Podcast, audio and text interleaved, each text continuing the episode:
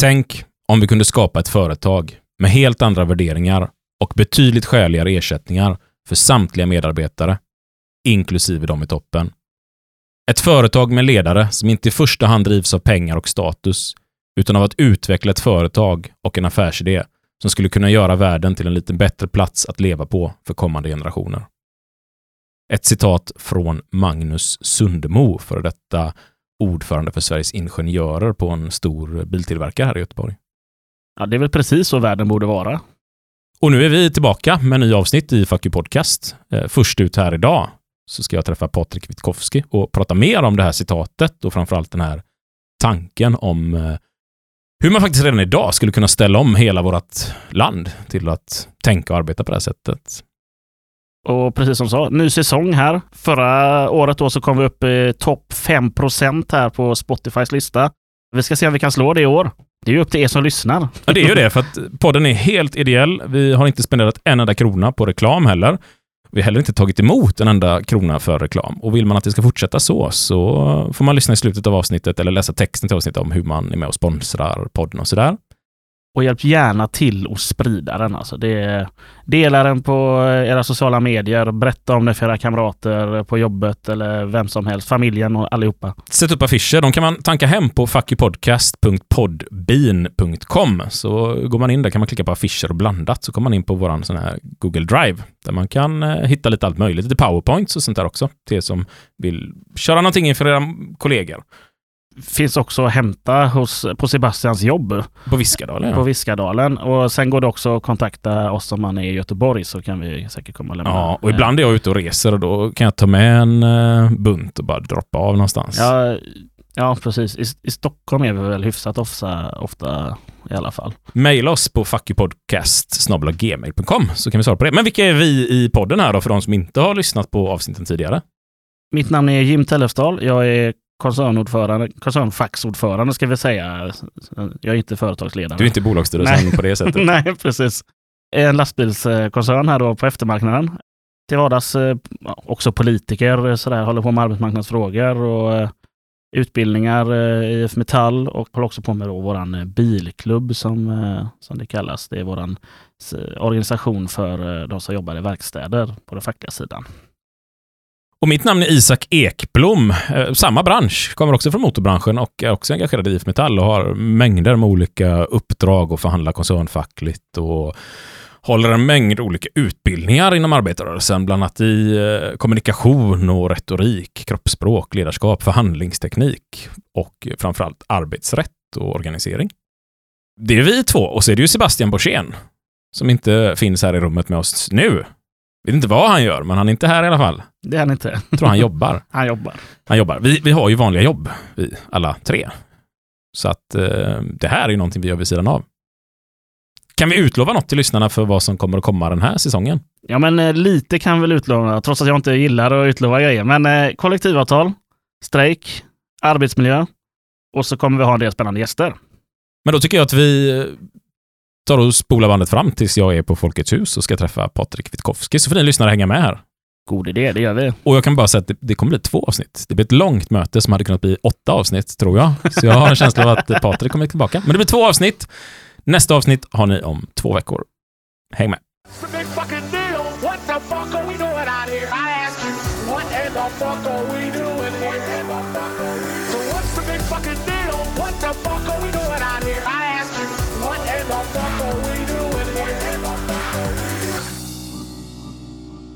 På Folkets hus sitter jag idag här i Göteborg. Med mig så har jag en eh, kultur och samhällsanalytiker som har grundat Centrum för personalägande. Han har även varit utredare, drivit projekt, föreläst både på Harvard, Oxford och eh, hela vägen från Taiwan till eh, Sundsvall. Dokumentärfilmare, skrivit rapporten Personalägda företag och den amerikanska ESOP-modellen. Och nu sitter jag här med ett alldeles färskt manus till en bok som inte ens är släppt än. Välkommen skulle jag säga till Patrik Witkowski. Tack så mycket. Var det en någorlunda beskrivning av eh, din bakgrund här till varför du sitter här idag? Ja, här, men det, det, är alltid svårt att sammanfatta vem man är sådär, men jag tyckte att du gjorde ett eh, bra jobb. Vi satt och käkade lite lunch här innan ihop Och då frågade jag lite kring, kring liksom din, din bakgrund. Du berättade att du jobbat lite inom industrin och lite inom eh, var det hotell och restaurang. Ja, jobbat inom industrin är väl, är väl att ta i, men, men sommarjobba på, på fabrik och eh, vi pratade om det här med liksom eh, arbetslivserfarenheter och var man har fått sina tankar och idéer ifrån och eh, det var väl där någonstans jag började tänka på, oj, måste det vara så här och kan, hur kan det vara annorlunda och, och så. Och jag tror du sa samma mening som jag tänkte när jag kom ut i mitt första arbete. Jag hade haft praktik i tre år på en arbetsplats som var väldigt, väldigt bra.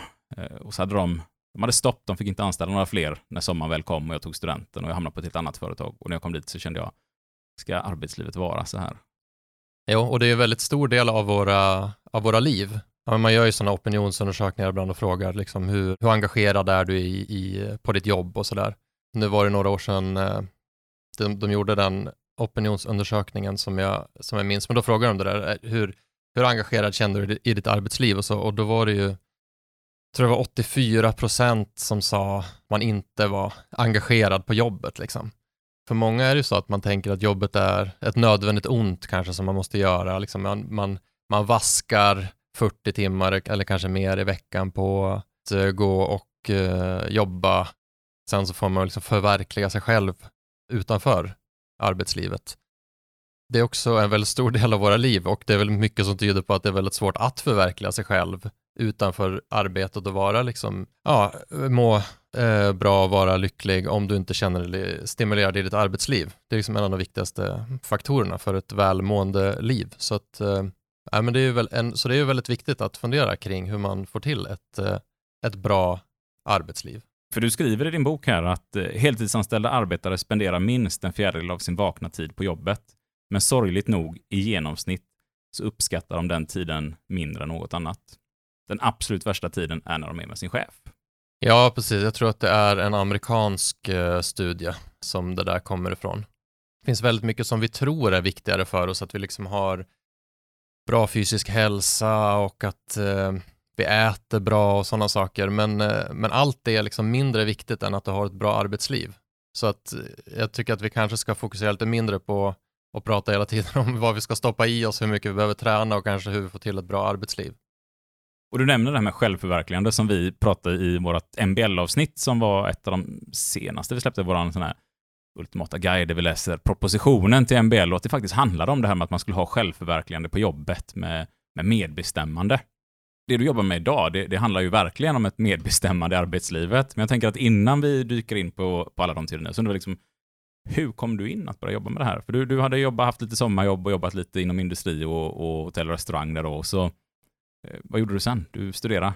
Då pluggade jag eh, praktisk eh, filosofi i Uppsala det var ju väldigt så, då är det stora så spännande tankar som, som jag tyckte var väldigt intressanta, men även där kände jag väl att det kanske saknades en, så här, en stor vision om hur saker skulle kunna vara annorlunda, att det finns mycket kritik av det rådande, att allt går käpprätt åt skogen, liksom, men vad, finns det några alternativ som, eh, som är liksom en, stor, en storskalig vision som känns rimlig och som känns förnuftig och som eh, många skulle kunna skriva under på, men som ändå är liksom väldigt annorlunda eh, än det som finns idag. Och då började jag väl liksom läsa på om olika så här, ekonomiska modeller och, och kom in lite på det här med ekonomisk demokrati och eh, så sen så eh, pluggade jag film och började jobba med film och så och eh, då gjorde jag en dokumentärfilm som heter Kan vi göra oss själva?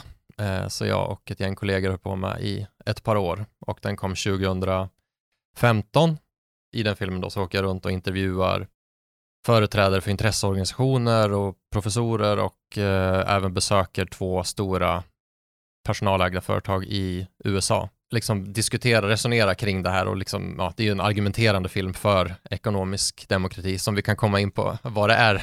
och, och, vi kommer att länka ja. till den här filmen också, för att det, jag tycker det är en otroligt bra dokumentär. Det är väldigt stora namn med, det är stora tänkare med den här och det är personer på ganska höga positioner i vårt samhälle som finns med i dokumentären. Väldigt välgjord jag brukar lämna ut den här som läxa när jag håller kurser för folk, att den här ska ni kolla på. Ta hela familjen och sätt er. Eh, och det var nämligen vad jag själv gjorde, för det var eh, ABF Västerbotten faktiskt, så var det en eh, god kollega till oss som tipsade om den här filmen. Så jag hade inte sett den själv för ett par år sedan. Och jag satte mig en fredagkväll faktiskt och tittade på den med min fru som fredagsunderhållning. Och det, det tycker jag att man kan göra. Det vad tyckte din fru? Jätteintressant, jätteintressant tycker hon också. hon, hon fastnade också i den, så hon har skickat runt den till folk också. Så att det, Ja, men- ja, den är bra.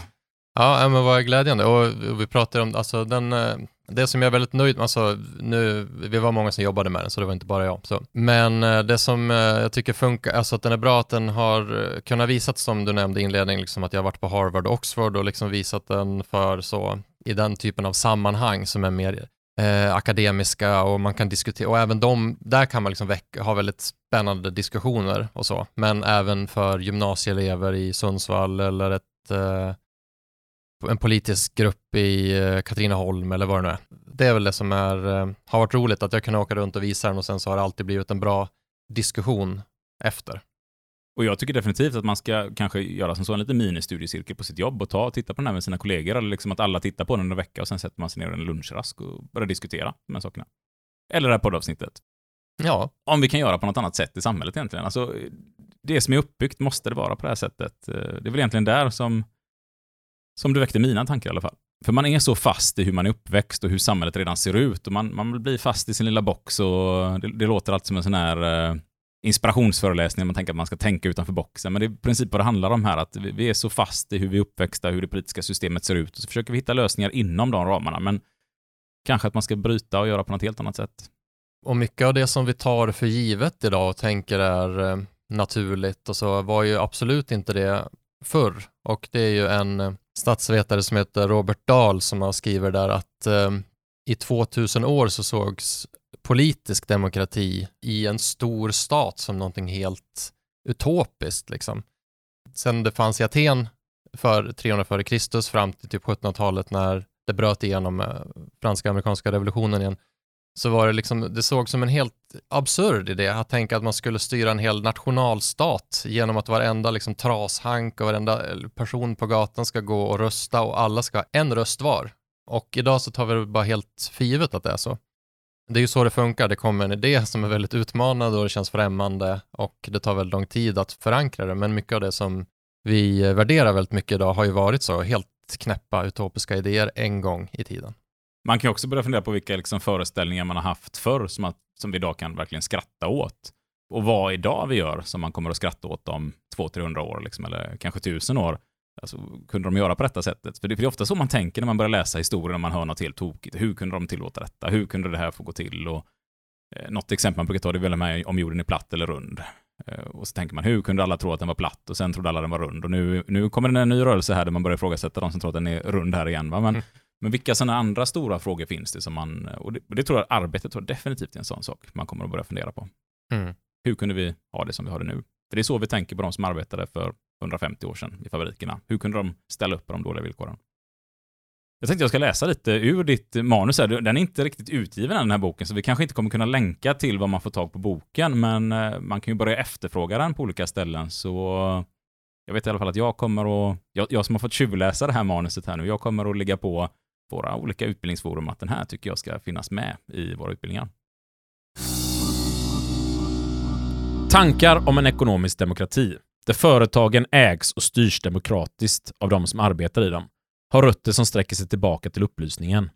John Stuart Mill, den moderna liberalismens fader, såg framför sig en framtid där de anställda själva ägde sina företag och där de var underställda chefer som är valda och kan avsättas av dem själva. Detta tänkte han skulle leda till en ny känsla av trygghet och självständighet hos de arbetande klasserna. Filosofen Bertrand Russell, Mills gudson och en av 1900-talets mest inflytelserika samhällsdebattörer, skrev Det kan inte finnas någon verklig frihet eller demokrati förrän de män som uträttar arbetet inom ett företag också kontrollerar dess ledning. Per Albin Hansson, socialdemokratisk statsminister 1932 till 1946, målade i sitt berömda folkhemstal från 1928 upp en framtidsvision där den svenska arbetaren inte längre var en lejd varelse, utan en medarbetande delaktig i skötsel och ledning och avkastning. Så sent som på 1970-talet gick Folkpartiet till val på att arbetslivets demokratisering måste målmedvetet genomföras. Den ekonomiska demokratins grundtankar har alltså haft anhängare i många av samhällets hörn och det politiska spektrumets alla färger. Industrimagnater, syndikalister, progressiva affärsjurister, socialkonservativa författare och utopiska socialister. Ronald Reagan, den amerikanska presidenten, beskrev på 1980-talet personalägda företag som nästa logiska steg och en väg som passar ett fritt folk. Det här med personalägda företag, det är alltså inte en socialistisk tanke, det är inte en facklig tanke, utan det här är någonting som du ändå menar på skulle passa in i de flesta ideologier.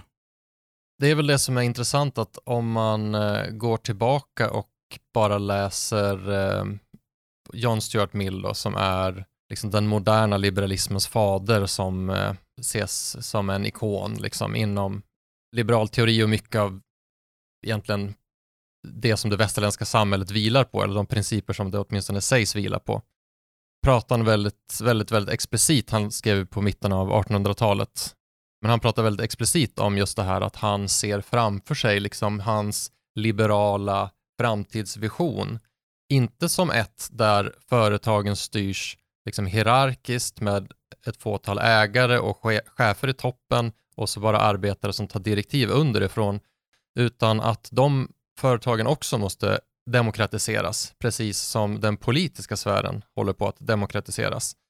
Och att det är också en viktig del i att, eh, att det finns någon slags uppfostringstanke där, som ju också länge fanns inom arbetarrörelsen, att eh, för att liksom lära sig någonting, för att lära sig eh, vad det än är, simma eller rida eller eh, spela fotboll, så kan du inte bara sitta och titta på någon annan som gör det, utan du måste praktisera det själv.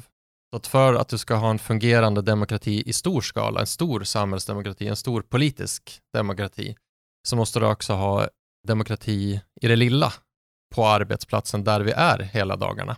Så det liksom finns också någon slags fostrande idé där då. Och genom att eh, praktisera i, i, i, det dagliga arbetet så kommer du vara med, liksom lära dig att kritiskt tänka kring beslut, ifrågasätta ledningsgrupper, se på dig själv som en person som är ansvarig för strategiska stora frågor som fattas, att eh, jämka och kompromissa, det var allt det här som man behöver göra för att få en organisation att funka. För i princip var det ju det här som vi någonstans började lyfta fram från patronsamhället, när vi började liksom med våra egna bostäder och det skulle skötas demokratiskt och kooperativa affärer där vi som konsumenter skulle rösta om besluten som skulle tas. Och sen kom hyresgästföreningar och ja, men, nästan i alla forum, fotbollsklubbar man är medlem i, eh, till och med teatersällskapet kanske, allting styrs demokratiskt, men inte arbetslivet. Vad är nu då mm. liksom eh, ett personalägt företag eller en, eller en ekonomisk demokrati? Vad är det för något? Ja, alltså en ekonomisk demokrati, det är, lite större, det är ett större begrepp kan man säga och det har använts olika genom historien av olika rörelser och tänkare och så. Nej, men det, det lättaste sättet att förstå det på, det är väl att börja i den här idén att i politiken så uh, tar vi det idag för givet att det ska vara en person, en röst som gäller. Så att vi som medborgare i ett land eller i en eh, kommun går Eh, med jämna mellanrum och så röstar vi fram vårt politiska styre.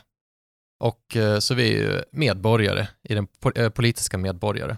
Men sen i den ekonomiska sfären då, så har vi också företag som på många sätt påminner väldigt mycket om stater. Det är människor som kommer ihop för att man har vissa syften och det finns styrelser, det finns verkställande ledningsgrupper och sen finns det de som är underordnade som då får direktiv uppifrån. Men i den ekonomiska sfären så fungerar det inte alls som det gör i den politiska sfären. Där är det inte en person, en röst som gäller, utan där är det en aktie, en röst. Så att som anställd på ett företag så hyr du ut dig själv och du får en lön i ersättning för att du hyr, hyr ut dig själv. Men du har inga som helst eh, möjligheter att avsätta en eh, styrelse som du tycker är dålig och du kan heller inte rösta fram styrelseledamöter. Så finns det undantag, eh, men det här är grundprincipen. Så. Vi har lagen för styrelse, representation och så vidare, men det här är själva grundtanken. Då. Så det finns en, en, eh, en mismatch mellan hur den politiska sfären fungerar och hur den ekonomiska sfären fungerar. Då är det ekonomisk demokrati ett begrepp som börjar i den änden, att det finns någonting problematiskt att det finns någonting icke-demokratiskt i hur ekonomin fungerar idag. Då har man då så kommit med olika förslag. Ja, men eh, vad menar vi med ekonomi och vad menar vi med demokrati? Vilka är det som ska rösta? Och då i boken då så nämner jag fyra olika förslag historiskt som har lagts fram, olika definitioner på ekonomisk demokrati. Så en traditionell har ju varit eh, idén då att det ska vara eh, staten som eh, ska styra, den klassiska statssocialistiska idén som då bygger på. Inte liksom, då är inte tanken att det ska vara liksom en auktoritärt sovjetiskt så, utan säg att du har en fullt fungerande demokratisk stat, då menade man att det mest demokratiska det är att den helt enkelt tar över företagen eller regionerna och kommunen, kommunerna tar över företagen eftersom att då blir det automatiskt demokratiskt. Lite som man idag kan jämföra med kommunala bolag då. Är, är det en jämförelse man kan göra? Att det sitter politiker i olika nämnder, där kan man tillsätta en vd för vissa av de kommunala bolagen exempelvis. Ja. Är det att likna med det du beskriver? Ja, det kan man säga. Precis, och det är en, del, en, liksom, en mer statligt centrerad modell för ekonomisk demokrati. Sen har det funnits idéer om eh, att eh, konsumenter ska ta över och eh, att det eftersom att det är konsumenterna som är slut konsumenterna av produkterna som skapas i ekonomin så är det egentligen de som borde liksom styra. Och det här var en idé som har väl aldrig fått sånt jättestort genomslag, men det, det fanns väldigt starka förespråkare för det inom konsument, ja, inom eh, KF eh, och den svenska kooperationen som alltid har varit väldigt konsumentorienterad. En som heter Anders Örne framförallt som skrev i början av 1900-talet mycket om det här. Och sen en tredje idé är ju det här med eh, medborgarfonder, samhällsfonder eller det som många känner till som löntagarfonder. Då, så att det är liksom breda kollektiv av medborgare som äger kanske de större företagen och styr på det sättet. Och idag finns det också en diskussion om så pensionsfonder och hur de kan användas då för att eh, få en större liksom, demokratisk styrning av företag. För det satt vi och diskuterade innan du kom hit faktiskt idag, så satt jag här med ett, eh, jag sitter inne på Folkets hus och då var det ett par, par förtroendevalda som satt och var spännande, ska ni prata om arbetsägda företag? Och så kom de in på just det med, med AP-fonderna exempelvis. Vi äger ju redan en stor del av bolagen i de här fonderna. Ja, just det. Ja, ja. men och, frågan är om vi gör så mycket aktivt med det. Nej, nej, och, de, och det har ju varit en stor eh, fråga då, det här med liksom hur det har ju skett, vi kan ju komma in på det sen, men det har ju skett en, eh, löntagarfonderna slog, eh, eh, eh liksom, de kom, men de avvecklades ju 92. Men sen så har vi fått någon slags eh, kollektivt eh, kapital i alla fall som nu är otroligt stort, vilket genom pensionsfonderna nu på kapitalmarknaderna som äger väldigt stora delar av eh, börsen runt om i världen. Men de pengarna idag används ju för att skapa största möjliga avkastning och eh, grundtanken med de som har varit, kanske använt begreppet ekonomisk demokrati har väl varit att det ska finnas vad ska man säga, andra krav som man också ställer på företag. Att så här, ja, men vi kanske också tycker det är viktigt att vi ska ha produktion i Sverige. Vi kanske också tycker det ska vara viktigt att man har, ja, att man har fackliga rättigheter. Vi kanske inte ska köpa företag som, eh, investera i företag som, eh, som underminerar facken till exempel och sådär. Det finns ju en sån diskussion idag, men men det är i alla fall den tredje, den tredje eh, definitionen av ekonomisk demokrati. Ja, precis. Och, och det du nämnde innan med, med kooperationen, att det utgår ofta från konsumenten, så behöver inte det vara ett bra ställe att arbeta på, bara för att det är kooperativt via konsumenten. Eller det kan vi ju se, nu ska vi inte hänga ut något bolag specifikt, men det finns ju kooperativa bolag som har hyvlat personal exempelvis. Och det tror jag aldrig man hade gjort om det var personalen själva som fick vara med och påverka sina rättigheter på arbetsplatsen. Så ett, ett tydligt exempel, är en av våra största kooperationer faktiskt bryter mot eh, vad vi tycker är liksom en en väldigt viktig fråga, anställningstryggheten. När man går emot något av kanske det viktigaste vi har, eh, grundläggande vår säkerhet på jobbet. Så att, eh, ja, men där kan man ju se att det inte alltid blir det bästa för personalen, utan det kanske är för mycket fokus på konsumenten enbart. Ja, verkligen. Och, ja, men det, och det är ett väldigt bra exempel för att jag och det hänger väl ihop egentligen med vad jag, var, varför jag kom in och blev intresserad av då den fjärde definitionen av ekonomisk demokrati som är just det här att det är de anställda själva som äger och styr företagen. Jag ser framför mig att eh, det ska inte vara en ny byråkrati eller en ny centralstyrning som eh, på något sätt anses representera någonting demokratiskt eller någonting, ett liksom megakollektiv. Eh, utan eh, jag tror väldigt mycket på det här att eh, decentralisera och att eh, det ska vara människor själva som fattar eh, beslut om sitt dagliga arbete. Tittar man på den politiska demokratin då, om man drar den parallellen, så är det ju så att eh, det är ju de som är underordnade eh, styrelsen i en kommun eller i en stat som rustar fram den ledningen. Så om man ska ta den parallellen till sin slutdestination så tycker jag att det är mest logiskt att man hamnar i personalägt företag. Där de anställda är ju de som är underordnade styrelsen och borde därför ha rätten då, som John Stuart Mill drömde om i sin liberala framtidsvision, att det är de som ska ha rätten att tillsätta och avsätta styrelsen och även eh, dela på eh, frukterna av sitt eget arbete. Jag tänkte vi ska läsa ett citat till här. För att sammanfatta. Under kapitalismen hyrs människor av privata företag. Under kommunismen hyrs de av statliga företag. De anställda underordnas i bägge fallen styrelser och ledningar som har valts av andra. I en ekonomisk demokrati är det däremot de som arbetar i företaget som tillsätter styrelsen och ger ägardirektiv. Den ekonomiska demokratin är således ett tredje alternativ som ifrågasätter grundpelarna i såväl kapitalismen som kommunismen. Så det är någonstans liksom en tredje väg att gå utifrån de här då eh, ganska extrema hållen kan vi säga då med, med ett helt fritt ägande eh, och så kommunismen där allting ska vara statligt. Och det här blir någon, kan, vi, kan, kan man kalla det mellanväg? Eller är det en tredje väg, en helt annan väg? Ja, ja men det tror, tycker jag man kan säga. Det är svårt det här med begrepp, hur man ska passa in det i någon slags, eh, på någon skala, men man kan väl säga att eh, dels är det fullt förenligt med att du har en marknad, så att du kan ändå ha att företag konkurrerar med varandra. Eh, det, behöver inte, det har ingenting att göra med planekonomi. Planekonomi är ju att det finns en central styrning, alltså att, om man tänker på den gamla liksom, sovjetiska ekonomin som sitter och planerar vad ekonomin ska producera, en viss mängd eh, skor eller vad det nu är. Eh, och det här är ju inte någonting som på något sätt utmanar eh, den grundläggande de grundläggande principerna på marknaden, utan det är fortfarande enskilda företag, precis som idag. Det är bara att de enskilda företagen, alltså aktörerna på marknaden, ser väldigt annorlunda ut. Att de är demokratiska, personalägda och ägs av de anställda.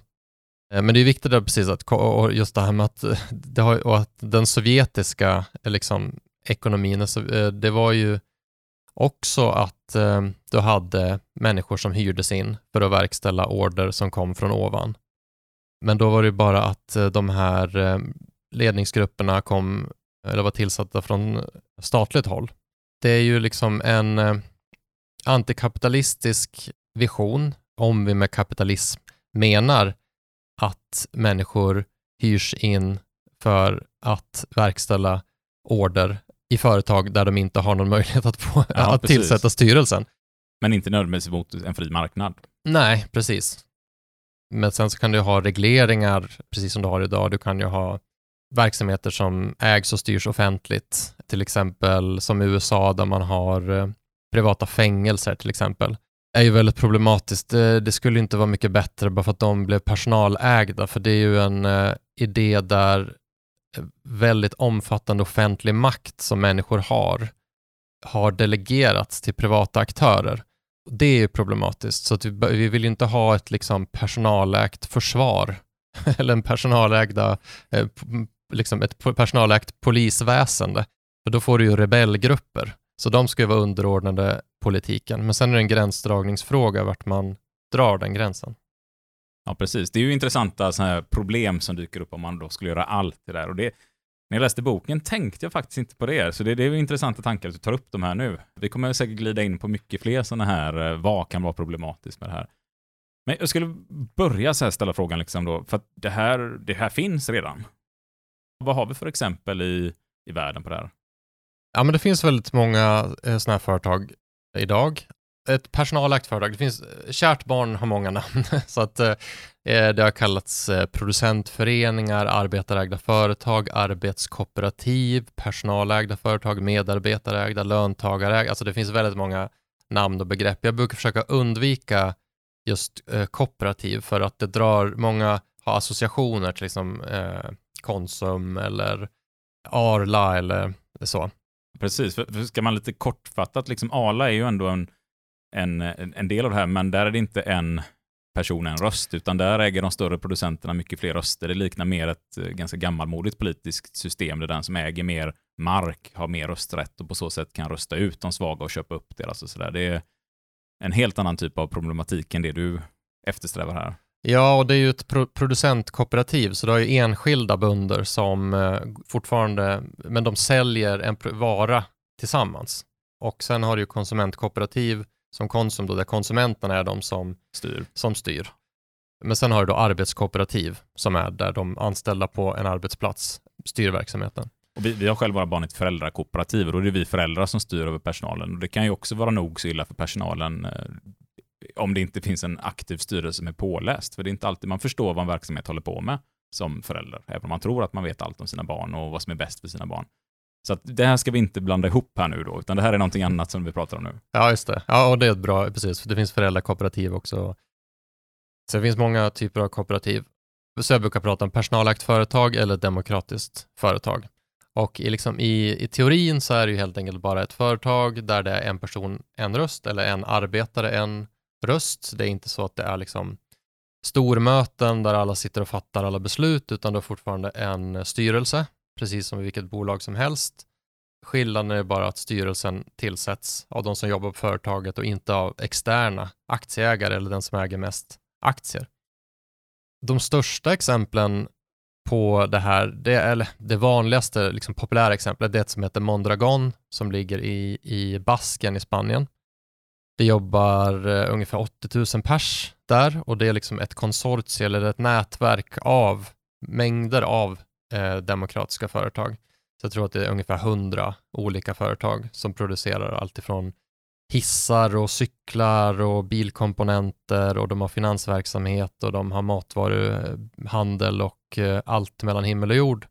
Och varje sånt enskilt företag styrs då eh, av de som arbetar på det företaget och sen så finns det en generalförsamling eller en, en, ett organ ovanför det som har den översta styrelsen. Då. Jag tänker att man kan lite likna det här vid hur fackföreningar ibland är uppbyggda. Att man, man på arbetsplatsen kan man rösta vilken är min klubbstyrelse, vilka ska sitta och företräda mig dagligen på arbetsplatsen och sen utser man eh, en förbundsstyrelse. Liksom att det är valda människor som sitter och ska representera en i olika forum.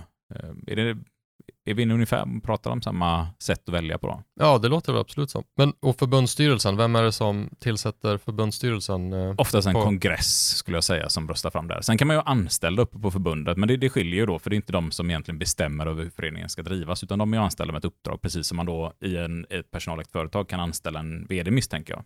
Ja, precis. Grundtanken är ju att det är styrelsen som ska tillsättas demokratiskt och sen kan det ju ibland vara folk eh, som jobbar där, som sitter i styrelsen eller blir valda. Men det kan också vara externa personer som man har tillsatt. Och det här Mondragon då, det har ju funnits ganska länge, sedan eh, 1956 tror jag det var en eh, så jesuitisk präst som, eh, som liksom var den som hade de här tankarna om att starta det här. Det var under Franco och fackföreningar var förbjudna. Men han hade de här idéerna om att man borde vara delaktiga i sitt, i sitt arbetsliv och att kapital inte ska vara liksom överordnat människan utan att människan ska vara överordnad kapitalet. Så, så han eh, startade och började utbilda en massa ingenjörer eh, och, lä- och liksom predikade de här idéerna och, de, och då så startade de Mondragon och det växte med tiden och eh, man avknoppade till nya verksamheter och man startade en bank som lånade ut väldigt aggressivt och med låg ränta och lokalbefolkningen i Basken satte in pengarna i banken eh, och det blev liksom ett väldigt välfungerande kretslopp och idag så är Basken en väldigt välmående del av Spanien. Och Mondragon är, eh, går väldigt bra fortfarande. Det är eh, väldigt låga löneskillnader till exempel så att eh, senast jag läste så var det att en vd får inte tjäna mer än sex gånger mer än eh, någon på golvet, den som tjänar minst. Och då kan man jämföra det med, tänka vad det skulle innebära i det svenska näringslivet. LO gör ju sådana Ja, eh, jag tror vi snittet på de största bolagen i Sverige, 87 arbetare tror jag vi ligger på någonstans oj. just nu. Och det är ju något som eldar på och driver på vad ska man säga, den samhällsutveckling vi har haft de senaste 30-40 åren, att vi har fått sådana otroliga löneskillnader. Det är väl bara ett exempel då på hur ett sånt här företag eh, är likt, det funkar på, det är på en marknad, det liksom tillhandahåller produkter och liksom det dagliga arbetet är ganska likt. Men hur otroligt annorlunda skulle inte samhället vara om det, hade, om det vilade på de grunderna? Och här slår du hål på en sån fråga som dyker upp då. Men, men det här funkar väl bara på småbolag? Där man är sju, åtta stycken och bor i samma lilla by. Ja, precis. Och det, och det kan nog funka i många småbolag, men det finns eh, flera sådana här stora bolag. Vi har John Lewis i England som är en sån stor detaljhandelskedja som ägs eh, helt och hållet av sina 90 000 anställda och har funnits sedan 1929. Vi har i USA så finns det då, och det är kanske något eh, som vi kan komma in på sen, men en, en särskild modell som gör det väldigt lätt för en tidigare ägare att liksom sälja av aktier till de anställda. Så där idag arbetar eh, nästan en tiondel av de anställda inom den privata sektorn i företag som ägs helt eller delvis av dem själva. Och det största företaget där är en, eh, en matkedja som heter Publix som har 200 000 anställda. Så det är väldigt stort och det, jag menar, demokratin och allt det där, det är väldigt så varierande hur mycket inflytande som det finns och sådär. Men även om man tänker liksom ett företag med 15, 20 000 eller 100 000 anställda så är det ju inte, om man jämför med en kommun, så är det ju inga jättekommuner. Jag menar, jag vet inte hur många som bor i, eh, jag menar Sundsvall där jag är från, det är väl kanske 90 000 eller sånt där. Um, och eh, så jag menar, det skulle ju vara ett helt gigantiskt företag, men där tycker vi att demokrati funkar ganska bra. Ja, det får vi väl ändå säga att man har köpt eh, begreppet demokrati i Sverige.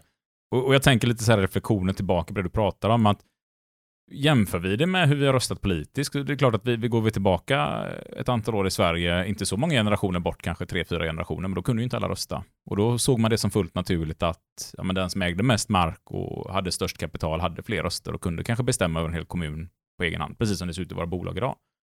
Så det här kanske är en sån sak vi kommer se likadant på om ytterligare fyra, fem generationer, får man väl hoppas, känner jag, när man börjar höra om de här grejerna. Hur, hur går det till när man tar de här besluten i bolaget? Sker allting liksom i då stormöten, att alla röstar varje gång? Eller liksom, du nämnde att man utser en styrelse. Är det de som ska sköta allt? Hur ofta väljer man den här styrelsen? Hur, hur kan det se ut i ett sånt här bolag?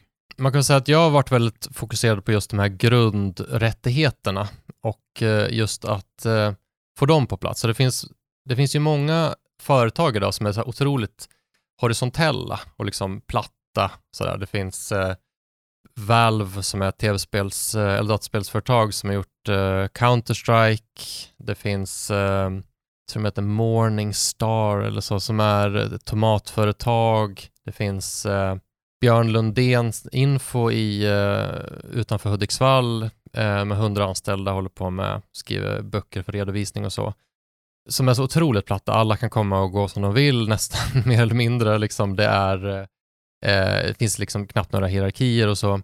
Och det finns väldigt mycket autonomi för den enskilda anställda. Men det, men det är inte alltid så att det, det kan fortfarande finnas en traditionell ägare. Och det finns många som har teori, alltså för ibland är det ofta att det är mer lönsamt också, har man sett när man låter anställda få mer inflytande, man får mycket bra idéer och folk blir mer motiverade och sådär.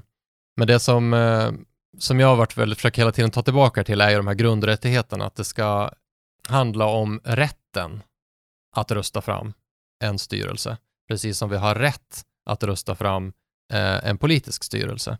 Så det kan ju också finnas väldigt auktoritära länder eh, runt om i världen där man ändå tillåter ganska stor autonomi bland medborgarna och så, men det gör ju inte den politiska eh, bristen på demokrati eh, legitim.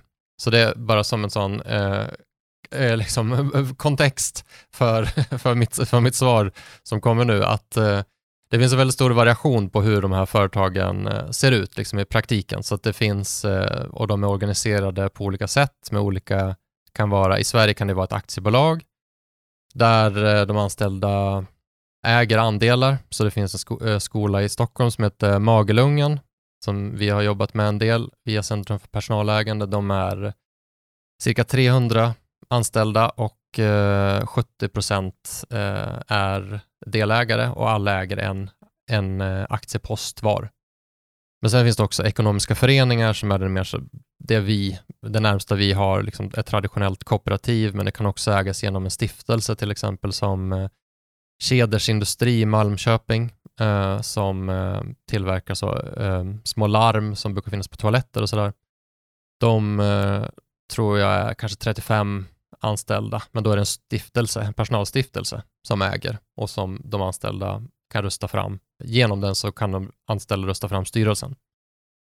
Det finns en väldigt stor variation på hur det ser ut och vissa företag, många av de här amerikanska företagen, där har man knappt eh, någon rösträtt. Så det är liksom en personalstiftelse som äger aktierna, men det är en väldigt så komplicerad struktur där egentligen bolagsstyrelsen väljer de som sitter i stiftelsens styrelse och så väljer de liksom bolagsstyrelsen och sådär.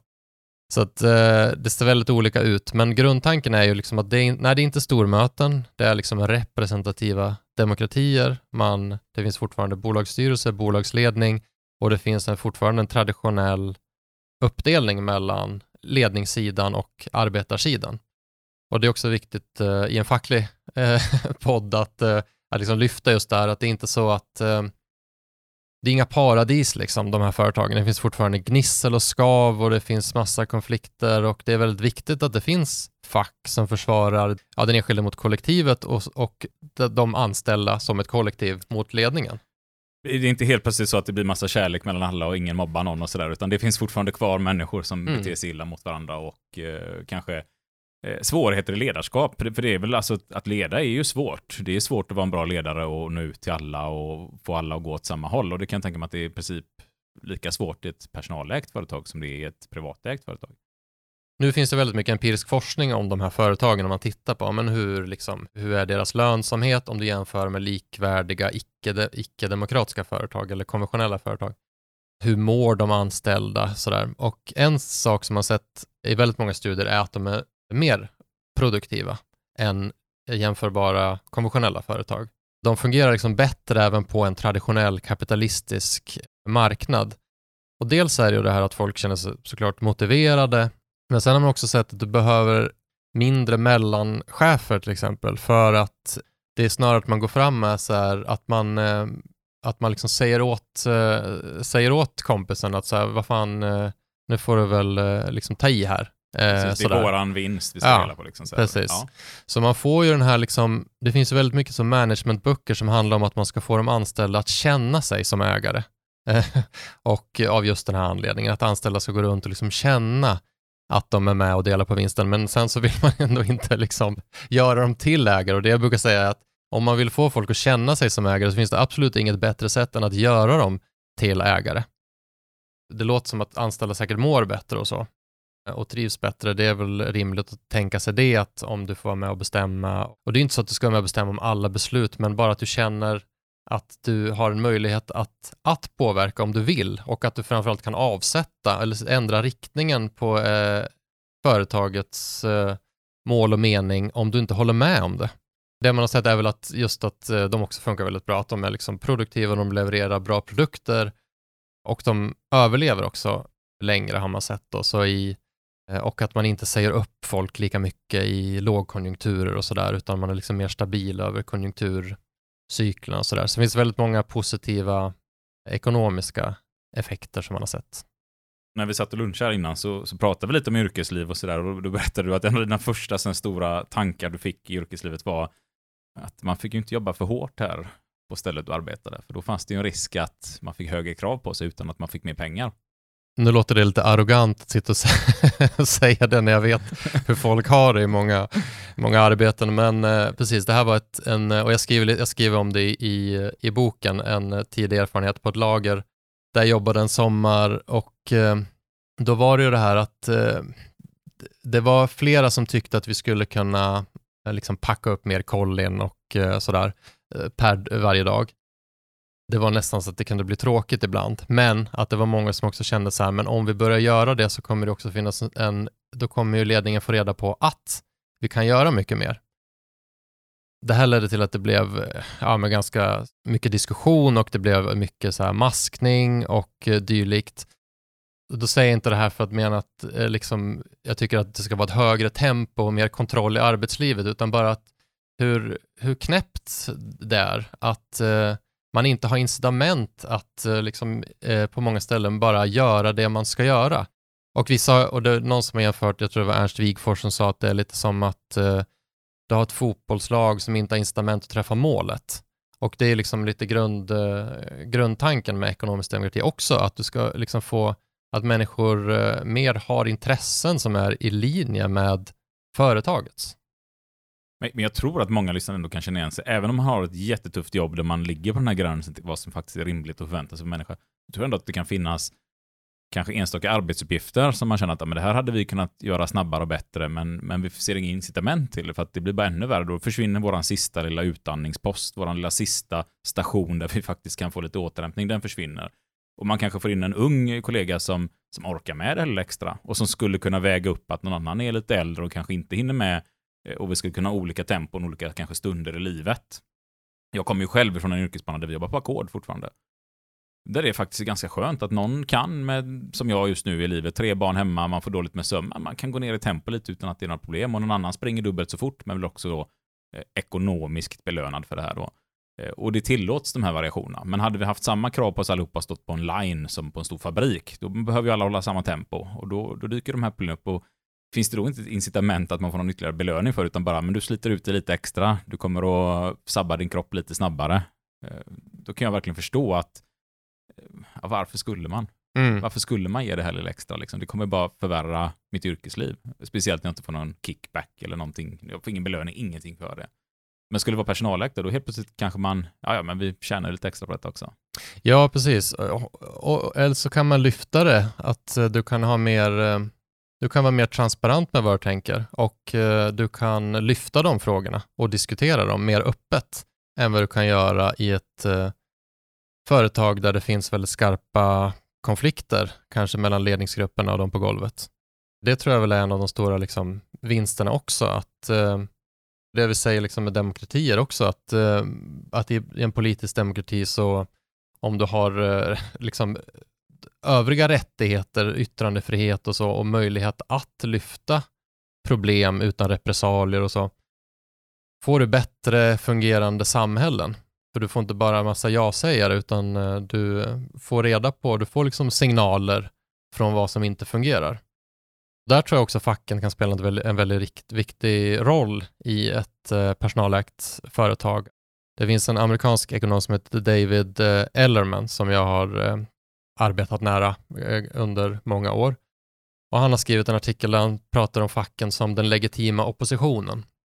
Och just det här att eh, i varje fungerande demokrati eller politisk demokrati så behöver du ha, det behöver vara legitimt att vara i opposition för att det ska fungera. Så att du kan inte ha eh, en opposition som liksom, att deras legitimitet ifrågasätts hela tiden. Så du behöver strukturer som gör det möjligt för, opposition, att, för en opposition att kritisera de som har makten just nu och så vidare. Och att facket ska kunna spela ungefär den rollen i ett demokratiskt företag. Att det är inte så att facken ska vara de som sitter på liksom, eh, de, eh, liksom i styrelsen och är de som, som driver företag och så, men facken ska möjliggöra för de anställda att eh, rösta fram styrelse och eh, liksom påverka, göra sin röst hörd och att man ska kunna kritisera utan, eh, utan att det finns några, någon risk för att man blir bestraffad och så. Och jag menar, och där, allt det där behövs det liksom, allt det här som facket är så himla, himla bra på med eh, alla principer och paragrafer och men det är ju en helt ny typ av vad ska man, skillset som behöver utvecklas. Men det är en sån här idé om liksom, vad är fackets roll på de här företagen? Och jag tror att det är även inom politiska föreningar, inom fackliga föreningar, så tror jag att det är så viktigt med den här spridningen också på på man har det här gänget som tycker vi strider, vi går ut i strejk, vi gör det här, och de som tycker nej, vi förhandlar, vi gör inget eh, jobb. Och det finns den här splittringen liksom inom oss själva också, där man har ganska olika åsikter kring hur vi ska hantera olika frågor. Den tycker jag är jätteviktig, nästan det roligaste i det fackliga, att vi har så olika åsikter och tankar om hur vi ska gå framåt och så diskuterar vi det.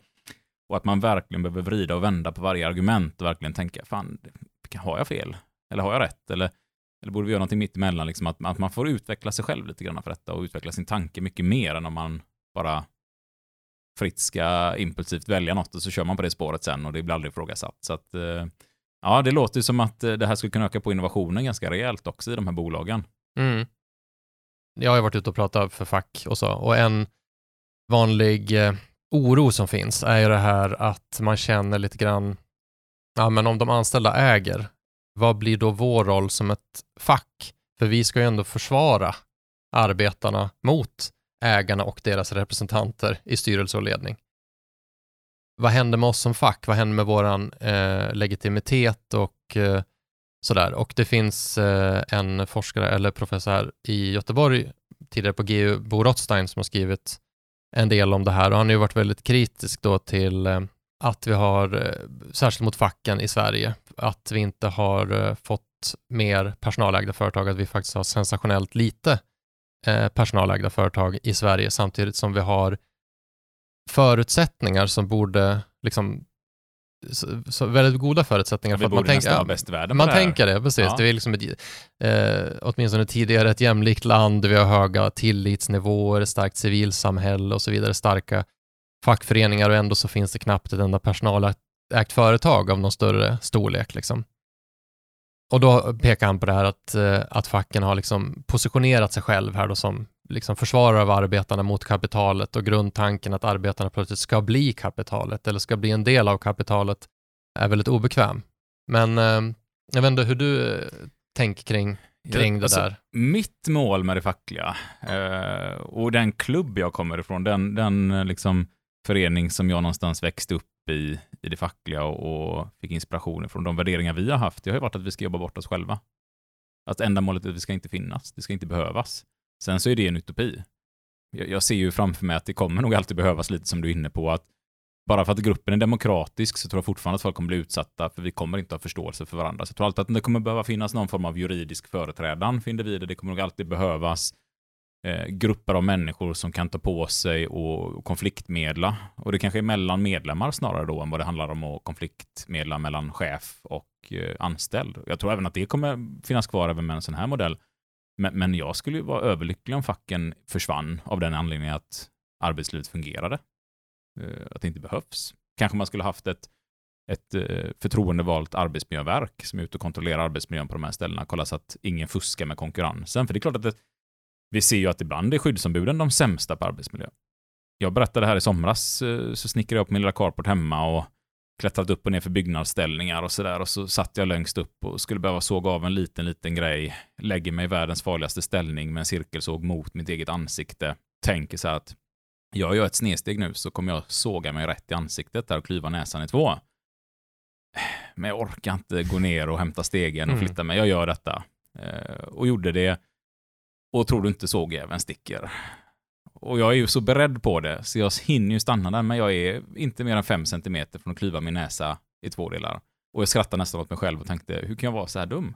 Så jag tror ju att även om vi är pålästa, även om vi tar våra egna beslut, så kommer vi behöva någon form av skyddsorganisation när man faktiskt tittar på det så att vi inte konkurrerar ut varandra, att vi inte tar den eh, lata vägen, det tror jag. Men, men ändamålet tycker jag ändå ska vara att vi inte ska behöva finnas den här oron att det skulle kunna leda till underbudskonkurrens och sådär och att man också ser till att det finns schyssta villkor och särskilt om det finns företag som ja, om, man, om, om det är företag som konkurrerar med varandra så behöver det finnas organisationer som ser till att det finns golv och att det finns eh, schyssta, en, schysst arbets, eh, en schysst arbetsrätt oavsett vart du jobbar och vilken sektor och sådär. Och, och Nej, det vet jag inte vad jag ska lägga till. Vi kommer nog fortsätta bete oss som svin mot varandra ibland. Alltså, det vill bara kolla hur vi beter oss inom våra organisationer. Det, det är klart att det finns maktstrukturer och härskarteknik lite här och var i samhället. Det tror jag kommer finnas kvar och det behöver man nog alltid agera mot. Och, eh, det är svårt att vara en bra ledare. Eh, jag brukar alltid skämta och säga att min största rädsla är att vara Donald Trump utan att veta om det. Att ingen vågar säga ifrån en i forum man sitter, att man tror att man tar rätt beslut för ingen vågar säga något. Det tror jag, det kommer säkert fortsätta finnas kvar sådana individer man är rädd för att det kommer nog finnas ett behov för de här rollerna ändå, men eh, förhoppningsvis i en jätteliten skala. Här någonstans, eh, eller här någonstans, exakt här bryter vi faktiskt avsnitt ett av två delar här med Patrik Witkowski. I del två, som ni hör om 14 dagar, eller det vet inte vi, men det släpps om 14 dagar, då kommer vi eh, ha lite mer fack Ja, det här som jag inte förstod vad det Ja, alltså, faktiskt, vad den förkortningen betydde. FAQ. ja, precis. Frequently asked questions, alltså vanligt ställda frågor. Eh, Där kommer vi försöka beta av några av de absolut vanligaste frågorna kring det här. Eh, Sen kommer vi fortsätta prata om de goda exemplen och hur man faktiskt kan genomföra det här. Jag tycker det är en så jävla intressant tanke. Jag hoppas ju att den här boken ska finnas att länka till det snart också. Det får man ha lite utkik på, för den är ju inte tryckt än och inte släppt än. Så att eh, så fort den kommer så kommer vi att se till att ni kan Alla som följer oss på sociala medier kommer veta om det i alla fall. Ja, kom över. Vi kanske kommer att tala om det i något framtida avsnitt där det är släppt också. Ni hör oss igen om 14 dagar. Under tiden så får ni som vi sa i början hemskt gärna hjälpa till och sprida podden. Det är bara så vi når ut till fler. Vad kan man göra mer? Man kan ju bli stödmedlem i podden. Hur blir man det? Då swishar man till nummer eh, 123 09 08 426.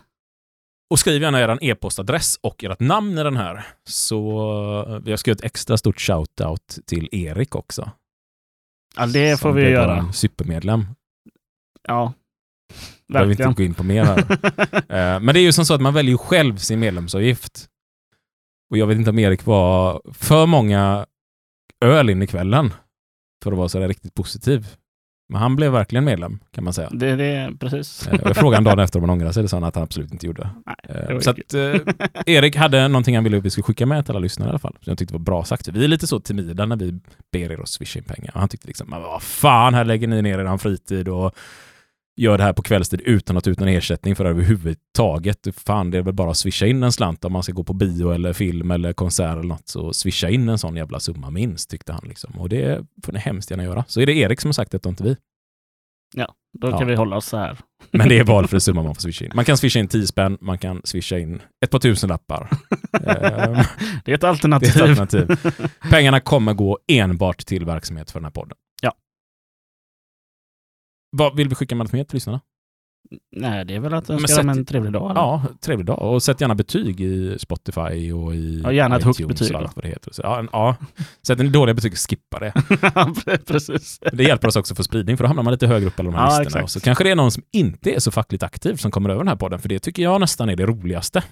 Och det har varit ett par sådana. Jag blev faktiskt häromdagen, kom en kollega till mig på jobbet och sa du Isak, Isak, Isak. Min fru utbildar sig till löneadministratör. Och då lyssnade de på er podd och då berättade hon, att men det här är ju min mans eh, fackordförande. Så att vi kan väl skicka ett stort shout-out till alla er som pluggar till löneadministratörer i Ja, det får vi göra. Mölnlycke tror jag det var. Vad kul.